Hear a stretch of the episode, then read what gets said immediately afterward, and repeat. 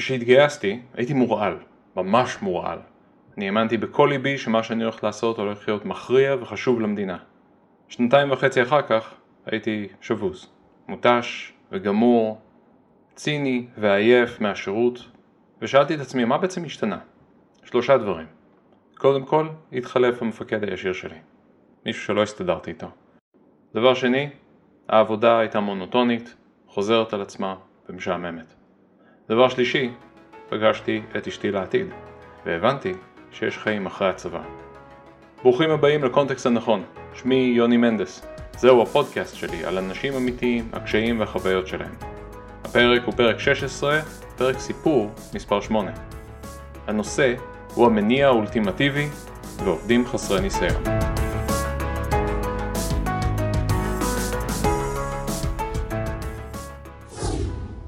רונן יצר איתי קשר בפייסבוק וסיפר לי על החוויות שלו בצבא ולפני הצבא. זה משהו שגם אתם יכולים לעשות, אם אתם רוצים שנדבר. רונן סיפר לי על החוויות שלו בצבא, על הצורה שבה הוא נכנס, השתלב והקשיים שבהם הוא נתקל. אבל הבנתי, מתוך השיחה עצמה, שהסיפור של רונן מתחיל הרבה לפני הצבא. אז תקופה קצרה אחרי התיכון, רונן נכנס לעבודה בחברת סטארט-אפ. משהו זמני, שהוא הגיע אליו בהמלצת המורה מהתיכון. זה היה הרבה יותר טוב מלעבוד בבורגר קינג. הוא לא ידע איך לעבוד בתור צוות ולא קיבל איזושהי הכשרה, אבל הייתה לו מוטיבציה בשמיים. הוא נכנס לתוך מקום העבודה הזה, נתנו לו פרויקט משלו והוא רץ איתו בצורה עצמאית.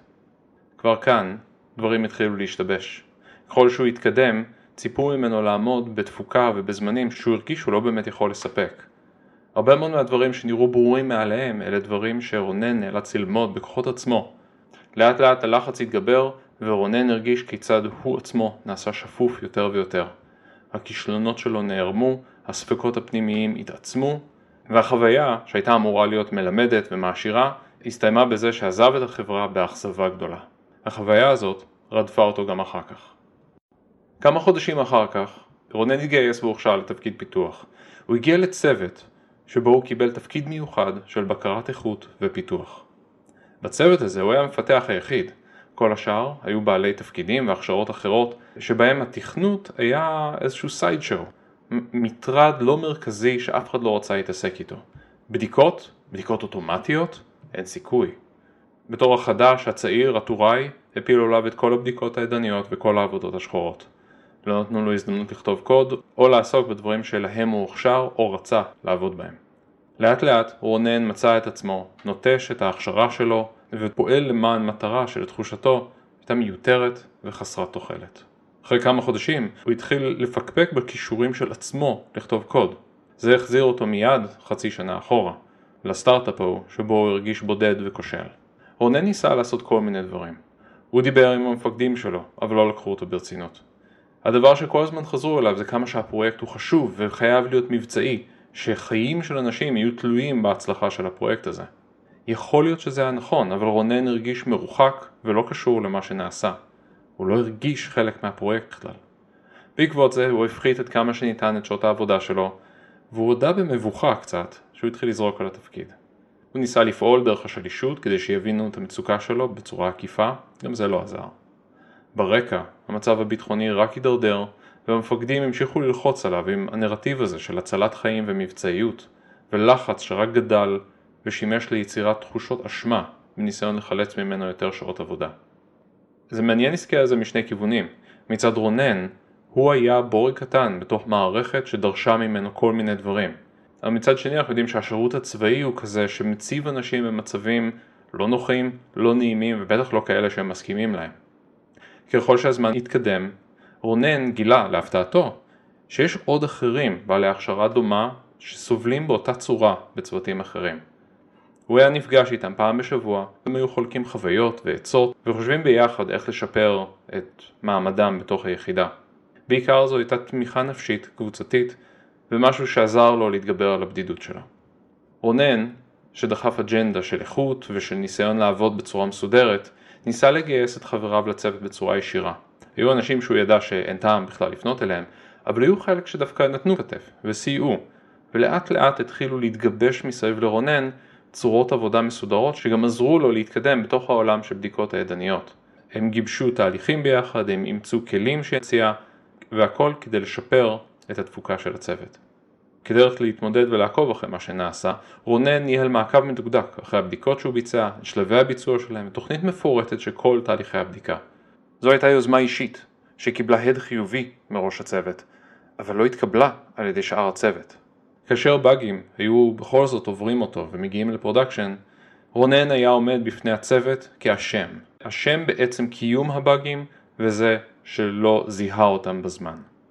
את האשמה הזאת היו ממנפים שוב על רונן ודורשים ממנו להשקיע עוד שעות ועוד זמן מכיוון ששוב הביטחון של המדינה נשען על כתפיו של רונן. האשמה הזאת שחלחלה כל הזמן עוד יותר פגעה ברצון שלו להשקיע והוא פינה עוד ועוד זמן שהוא התחיל לנצל בשביל ללמוד לתואר הראשון שלו.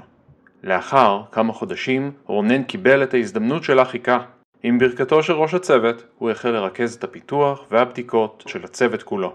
חל שיפור משמעותי בתפוקת הצוות ובביצועים האישיים שלו, וצורת העבודה החדשה שאותה הוא דחף הוטמעה בתוך הצוות וזכתה להצלחה רבה.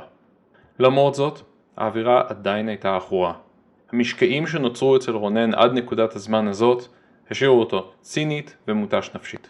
לבסוף הצליח לצאת למחלקה אחרת שבה לפיתוח היה משקל יותר מכובד ושם התחיל ללמוד ולהתפתח. כאשר השתחרר, רונן השלים את התואר שלו תוך כמה חודשים ואז מינף את הקשרים שיצר בצבא כדי למצוא את העבודה הראשונה שלו באזרחות. אז מה קרה כאן בעצם? רונן חווה כשל מתמשך בהנאה האישית שלו. הנאה בעין כמובן. לא מכל עבודה אנחנו חייבים ליהנות, אבל בשביל שנהיה מוכנים להשקיע בה מעל ומעבר, אנחנו חייבים להיות מונעים. המנהלים שלו לא היו מסוגלים לייצר מצב שבו הוא מרגיש שהעבודה שלו חשובה. למעשה לרונן לקח זמן למצוא את רגליו בעולם הפיתוח, מכל מיני סיבות. תפקיד שאינו מוגדר היטב גורר ציפיות סותרות, חוסר ודאות ובעיות כאשר היחסים מידרדרים. בהמשך הדרך, רונן כל הזמן חזר לתקופה הזאת כמכוננת, כמשהו שהגדיר את החוויה שלו בתוך עולם התכנות. הספקות העצמיים, החששות שהוא אינו מסוגל, נשענו על חוויה צולעת של כמה חודשים בתחילת דרכו. ניהול כושל הוא דבר מאוד אישי. מספיק שיש חוסר כימיה בין שני האנשים, וכבר הניהול יכול להפוך להיות כושל. החוויה הזאת היא סובייקטיבית מאוד ויוצרת את האווירה שבתוכה אנחנו מתנהלים, וניהול שלא מתאים את עצמו אישית לבן אדם, בסופו של דבר יהיה כושל. עוד נקודה חשובה שהצבא הוא גוף ענק ומסואב, אבל הוא לא שונה בהרבה בצורת ההתנהלות שלו מכל חברת ענק אחרת. חוץ מזה שהוא לא נמדד על רווחים, קליקים או שווי שוק, ושכולם חמושים. מנהלים הכשל היה באמפתיה והנאה, הנאה עם עין. ייתכן שהמפקדים לא יכלו לעשות דבר ושהמצב הכתיב את כל מה שקרה, אך יש לצורת העבודה במצור הזאת עלות מאוד גבוהה שכל ארגון צריך לקחת בחשבון, במיוחד אלו הנמדדים על השורה התחתונה. הנעת עובדים נשענת על מניעים פנימיים וחיצוניים. חיצוניים הם הקלים ביותר ליישום, והם חלשים יותר מפנימיים. הם מתאימים לעובד חדש או להתנאה של תהליך הנאה, אך אינם מחזיקים לאורך זמן. מורעלות, אותו רצון של בני 18 להוכיח את עצמם כנגד כל דבר, כנגד כל אתגר שהצבא יציב בדרכם, זה מניע חיצוני. כסף, גם מניע חיצוני. אשמה היא גם מניע חיצוני. למעשה, היא החוסר במניע פנימי, ולכן מנוף חלש במיוחד. מניעים חיצוניים שימושיים כדי להבין את הפנימיים ולהתחבר אליהם. אני אדבר עוד על מניעים פנימיים בפרק אחר. זה נושא מרתק ומורכב. לצה"ל יש את המניע החיצוני האולטימטיבי. אפשר להסביר כמעט כל מאמץ או קושי בחשיבות לביטחון הלאומי, וזה עובד נהדר. אבל אפילו המניע הזה, אם נפעיל אותו יותר מדי, יישחק ויהפוך ללא יעיל. אם המניע אינו ברור לעובד, העובד לא יקבל מהמניע הזה שום דבר. המצב בו משימה קריטית צריך להשתקף בפעולת הארגון. המשימה לא יכולה להיות קריטית רק לאדם אחד, שלטובתה לא מקצים משאבים מעבר למינימום האפשרי. פעולת הארגון צריכה לשקף את סדר העדיפויות, או שייווצר דיסוננס שמבלבל ומתסכל עובדים. כשל בהנאה הוא תהליך מתגלגל. רונן קיבל בסוף את מה שרצה, שזה תפקיד בפיתוח, אבל המסע שנאלץ לעבור כדי להגיע אליו הפך אותו מעובד נמרץ, מלא מוטיבציה, לאדם מתוסכל, חסר ביטחון וציני. השינוי הזה הוא הדרגתי, אבל מוחשי, ולהפוך אותו דורש הרבה יותר מאמץ ממה שנדרש כדי ליצור אותו. עובדים חסרי ניסיון זקוקים להכשרה בעבודת צוות, עבודה בסביבה משרדית, בגרות תעסוקתית וכלי עבודה סטנדרטיים. זקוקים לניהול צמוד, חבילות עבודה קטנות ומוגדרות היטב ויעדים ברורים. בדרך כלל הם יפצו על חוסר ניסיון עם זמן נוסף. זו הרגל מסוכן, אבל שימושי, שחשוב לנהל היטב. אם אתם לא מרגישים שאתם מסוגלים לתת להם מעטפת כזאת, היזהרו בבחירה של להביא מפתחים חסרי ניסיון לסביבה תעשייתית ועבודה עצמאית. עובדים שנכשלים שוב ושוב יאבדו מוטיבציה והמצב רק יידרדר. דבר אחרון, התפקיד של רונן היה חדש ויוצא דופן בצוות. ראשי הצוותים ביחידה לא הוכשרו להפעיל את הכישורים של רונן.